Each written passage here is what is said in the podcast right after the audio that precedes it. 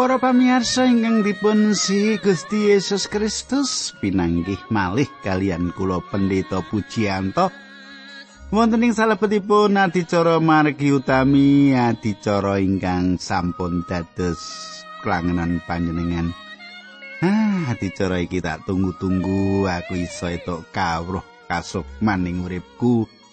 Ah, semene suwene dadi wong Kristen ora tau aku itu ulangan-ulangan sing urut kaya mengkene iki. Ngaten nggih. Salah setunggal derek nyerat kula kados mekaten malah wonten ingkang nyerat Pak kula nyuwun sepatus bahan-bahanipun dipun kintunaken dhateng kawula.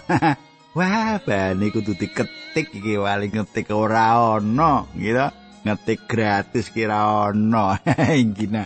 Kulo badhe sesarengan kalian panjenengan sawektu sedal menika sugeng midhangetaken adicara menika.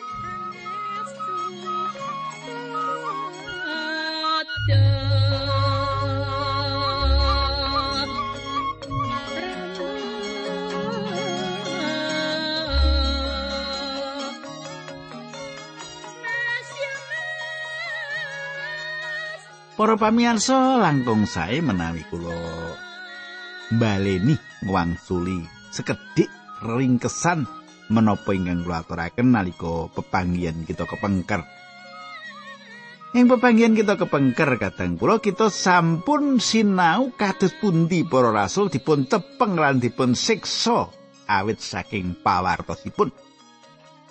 Nanging selajengipun dipun bebasaken malih. Sinaosa kados mekaten semangatipun boten kendo kangge ngladosi Gusti. Kados pundi kelajenganipun kadang kula? Kita badhe nyemak wonten ing pepanggihan dinten menika nanging saderengipun monggo kita ndedonga ning saderengipun ndedonga kula badhe ngaturaken salam rumiyin nggih. Dumateng Ibu Satimah, nggih Ibu Satimah menika dalemipun gandrung mangu. Wah, serat panjenengan sampun kula tampi Ibu Satimah. Nggih. Matur nuwun sanget nggih. Wah, wong duwe sedulur nang gandrung barang ngono kok. Nggih ya. Nah, ugi Bapak Gunawan. Nggih. Bapak Gunawan menika desanipun Karangsari. Wah. Matur nuwun serat-serat panjenengan nggih, Pak. Gusti berkahi panjenengan kapan-kapan kita saged pilanggih malih makaten nggih. sugeng midhangetaken nggih Pak nggih mugi-mugi panjenengan sesarengan kalian kula. Nah kadang kula monggo kita tumungkul kita ndedonga sesarengan. Dukane Rama ingkang ada dampar wonten kraton ing kasuwargan kawula ngaturaken kuning panuwun menawi wekdal menika kawula saged tetunggilan kalian sederek-sederek kawula. Kawula nyuwun Gusti berkahi, Gusti mitulungi, kawula pasrahaken gesang kawula wonten ing asta paduka linambaran asmanipun Gusti Yesus Kristus kawula ndedonga Haleluya. Amin.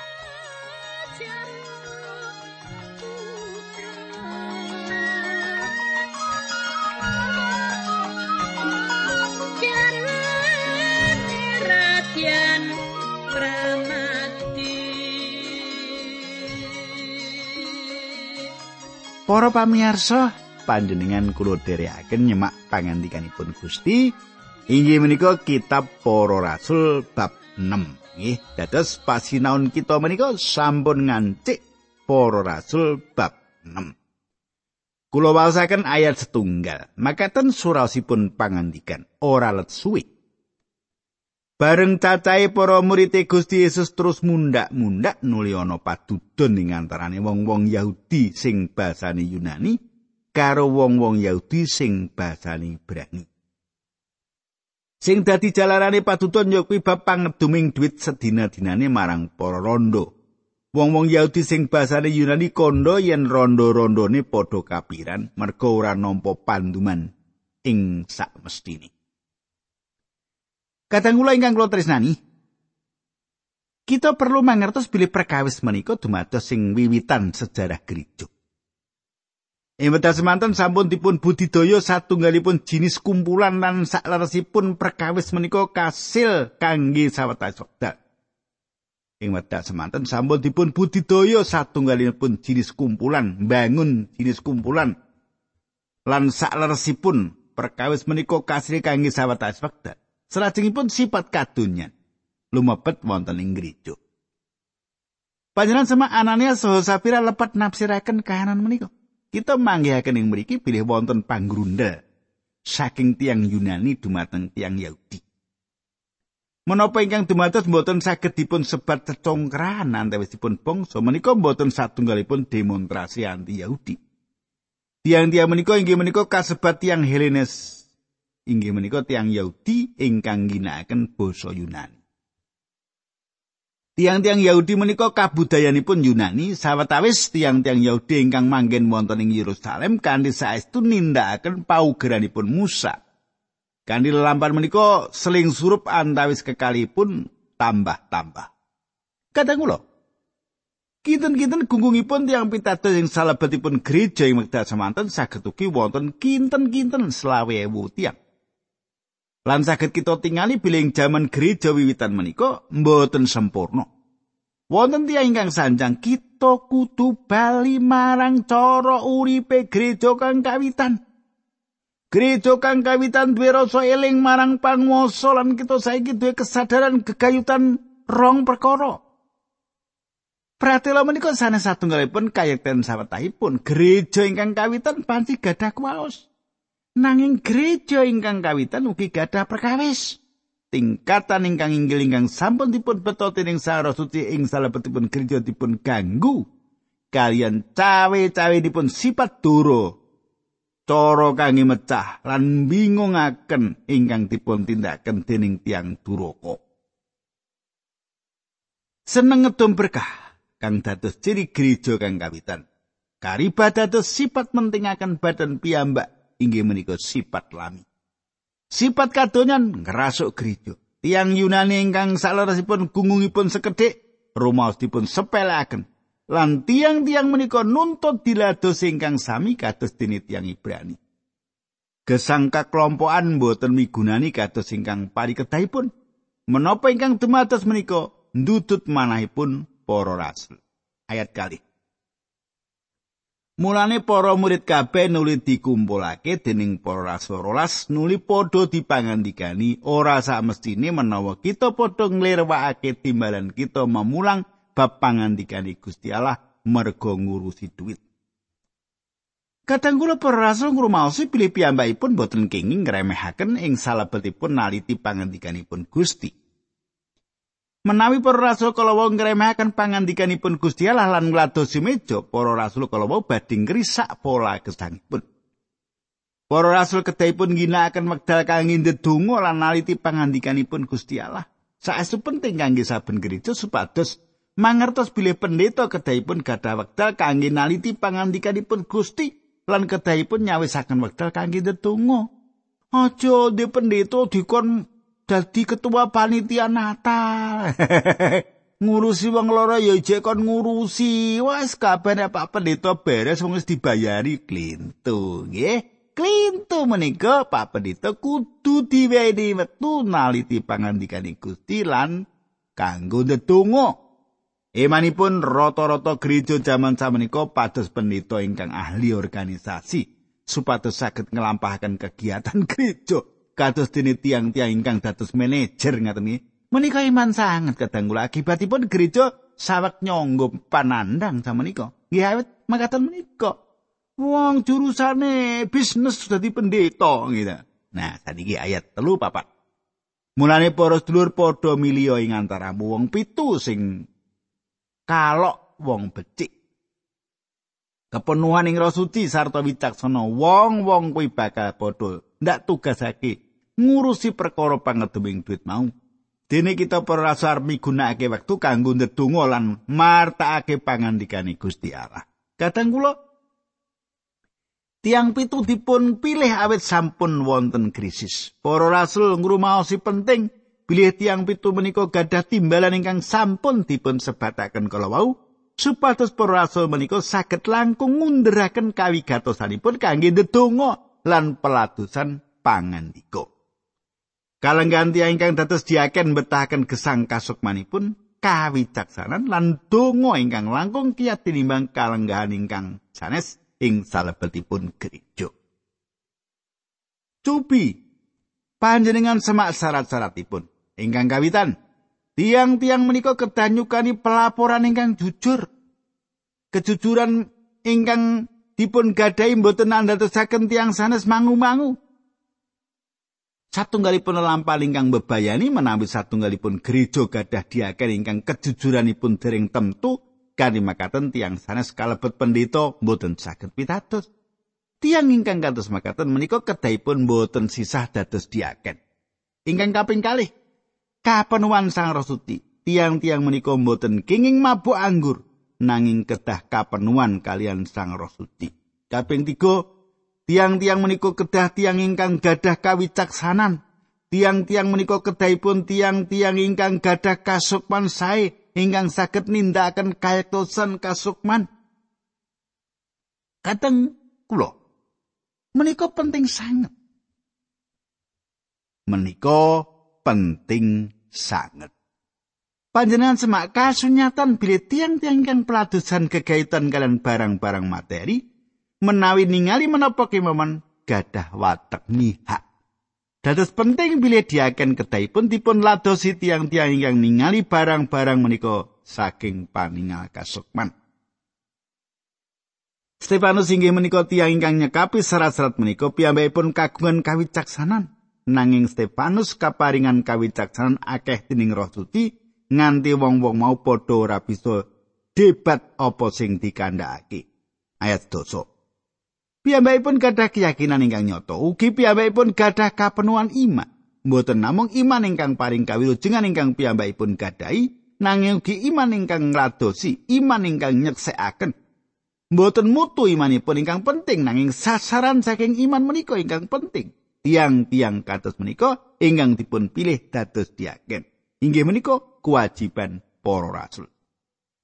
Kula lajengaken ayat gangsal bab 6. Wong sak pasamuan kabeh padha rujuk karo usule para rasul mau.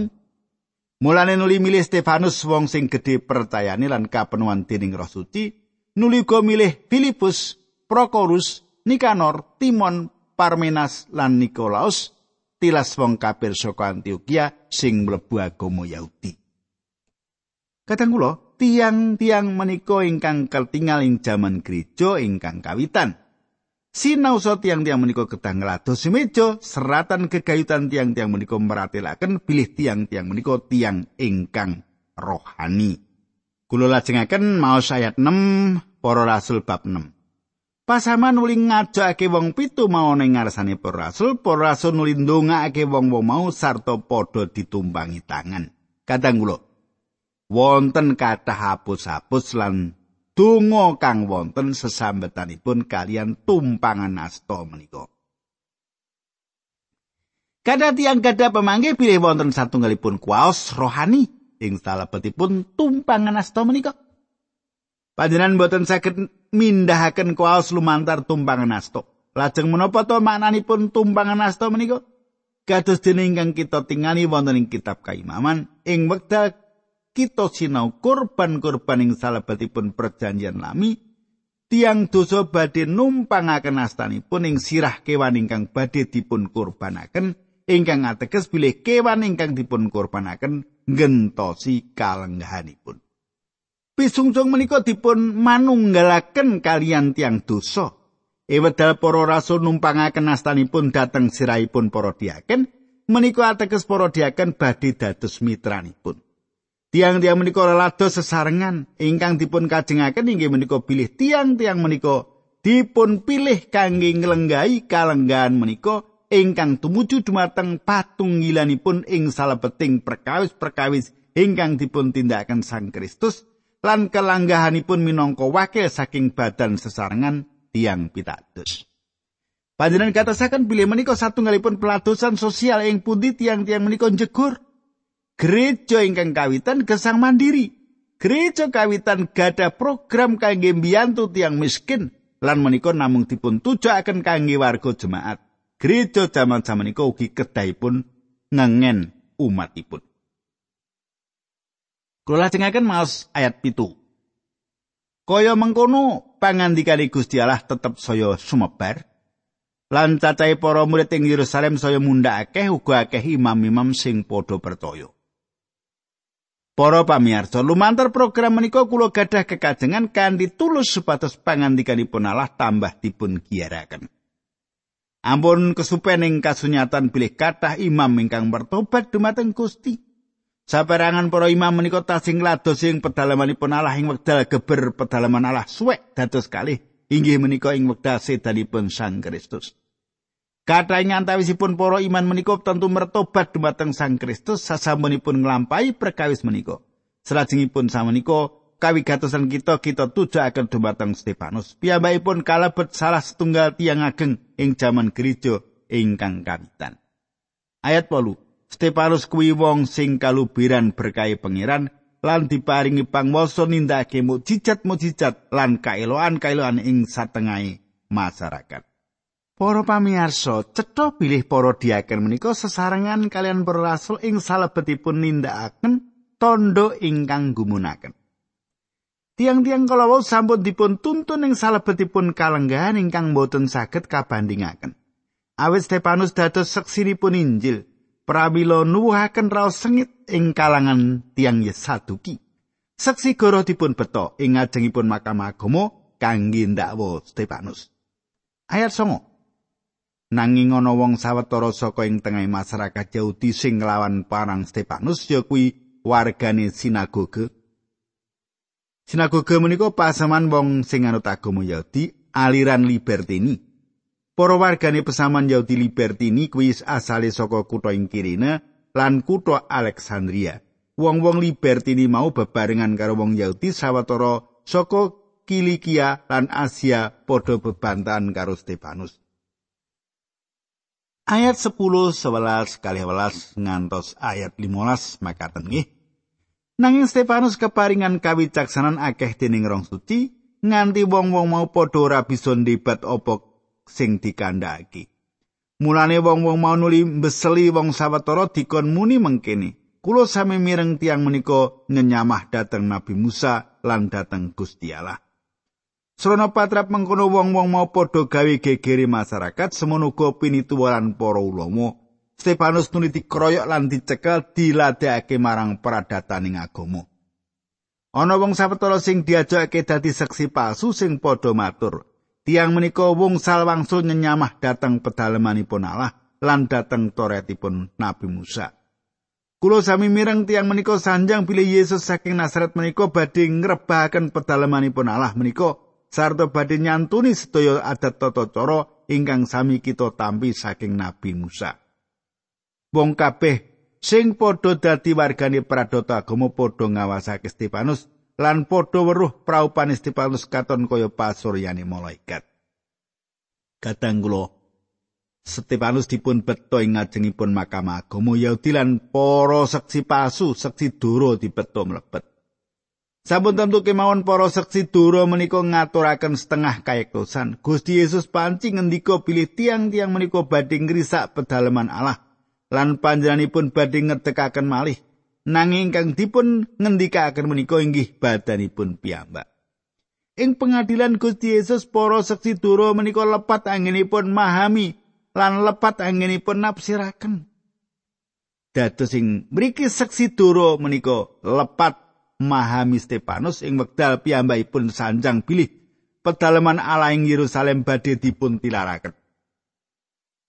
Sayektosipun pedalaman Allah badhe dipun tilaraken dening Sang Kristus.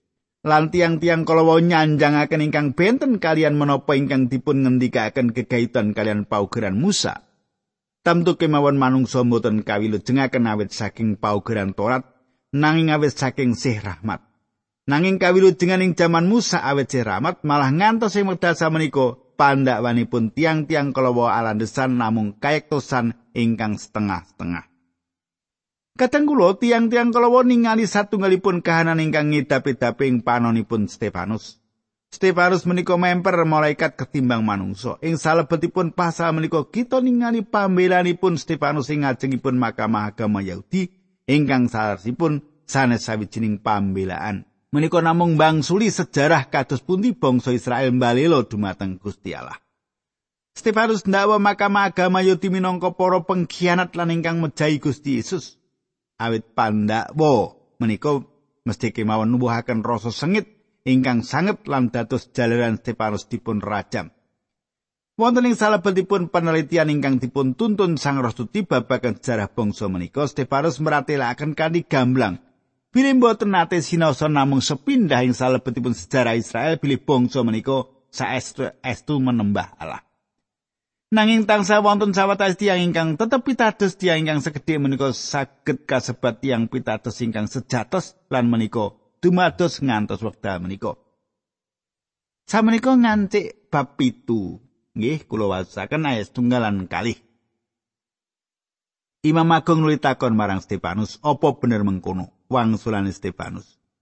Para sederek lan para bapak sedaya, kula aturi mirengaken atur kula Gusti Allah ingkang Maha mulya sampun ngetingal datang leluhur kita Abraham nalika tasih manggen wonten ing tanah Mesopotamia inggih menika saderengipun Romo Abraham wau pindah dateng kita Haran.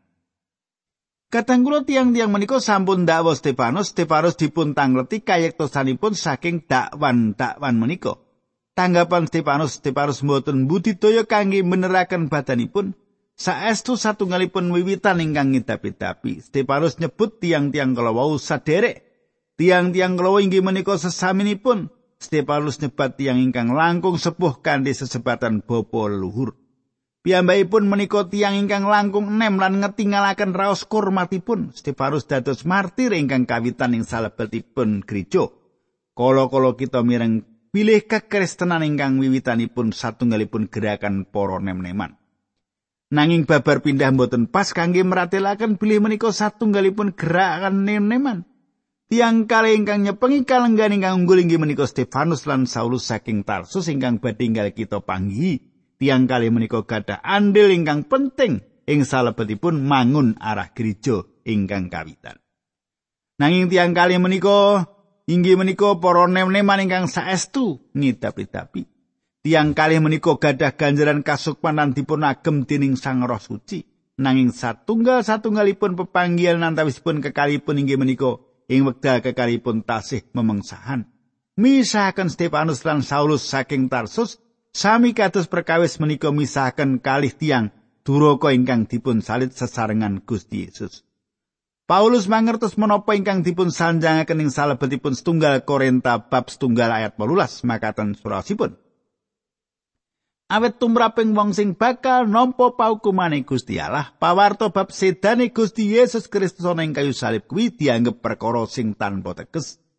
Nanging tumrape kita sing kapitulungan selamat Sang Kristus kuwi mujudake kasektene Gusti Allah. Emeta salus ningali Stefanus piyambakipun gadah pikiran bilih Stefanus menika tiang bodho.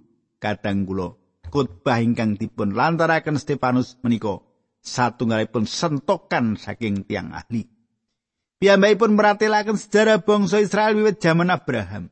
Inggih menika wekdal sejarah bangsa Israel dipun wiwiti. Sejarah bangsa menika mboten kawiwitan wiwit saderengipun panjenengan badhe manggihaken perkawis ingkang sami wonten ing Injil Matius.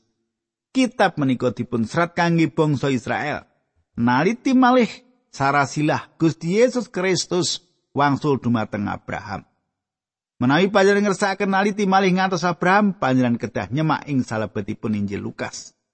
Stefanus wil saking Abraham, satunggalipun manungsa ingkang gadah iman, sinaosa Stefanus ngaturaken anggenipun lumawan lan pambalelo dumateng Allah saking bangsa menika tansah-tansah wonten ing sisa tiang pitados. Perkawis menika tasih lumampah ngantos ing wekdal menika. Ing satunggalipun gereja ingkang tumata ing salebetipun gereja ingkang kasat pelipat ingkang saged panjenengan kula tingali tasih wonten tiang-tiang ingkang pitados. Mboten saben tiang ing salebetipun gereja inggih menika tiang pitados ingkang sejatut. Sami kados ing salebetipun bangsa Israel tasih wonten tiang ingkang pitados. Kados makaten ugi ing salebetipun gereja tasih wonten sekedhik tiang pitados sejati ingkang sisa.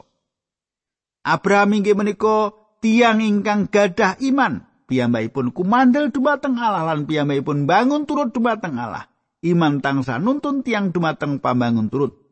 Stefanus wiwit khotbahipun kanthi Abraham saking Mesopotamia ing ngare Triges Weprat inggih menika papan Abraham wonten ing mriku Gusti Allah nimbali piyambakipun. Ayat 3. Gusti Allah ngendika dhateng Roma Abraham kowe lunga sedulur-dulurmu lan tanahmu tinggalen lunga menyang tanah ing bakal ndak tutuhke marang kowe. Gusti Allah nimbali Abraham supados medal saking griyanipun awit daerahipun kathah tiyang kang manembah brahala. Kadang kula banjur selajengipun kelajengipun kados pundi kita badhe nyemak dinten candhaipun malih. Samenika kita ndedonga. Duh Kanjeng Rama swarga kawula ngaturaken kuing panuwun menawi wekdal menika kawula saged sesarengan lan sinau pangandikan patuko. Kawula pasrahaken supados pangandikan menika saged jejegaken kekandelan imanipun. Dinambaran asmanipun Gusti Yesus Kristus kawula netunggal haleluya amin.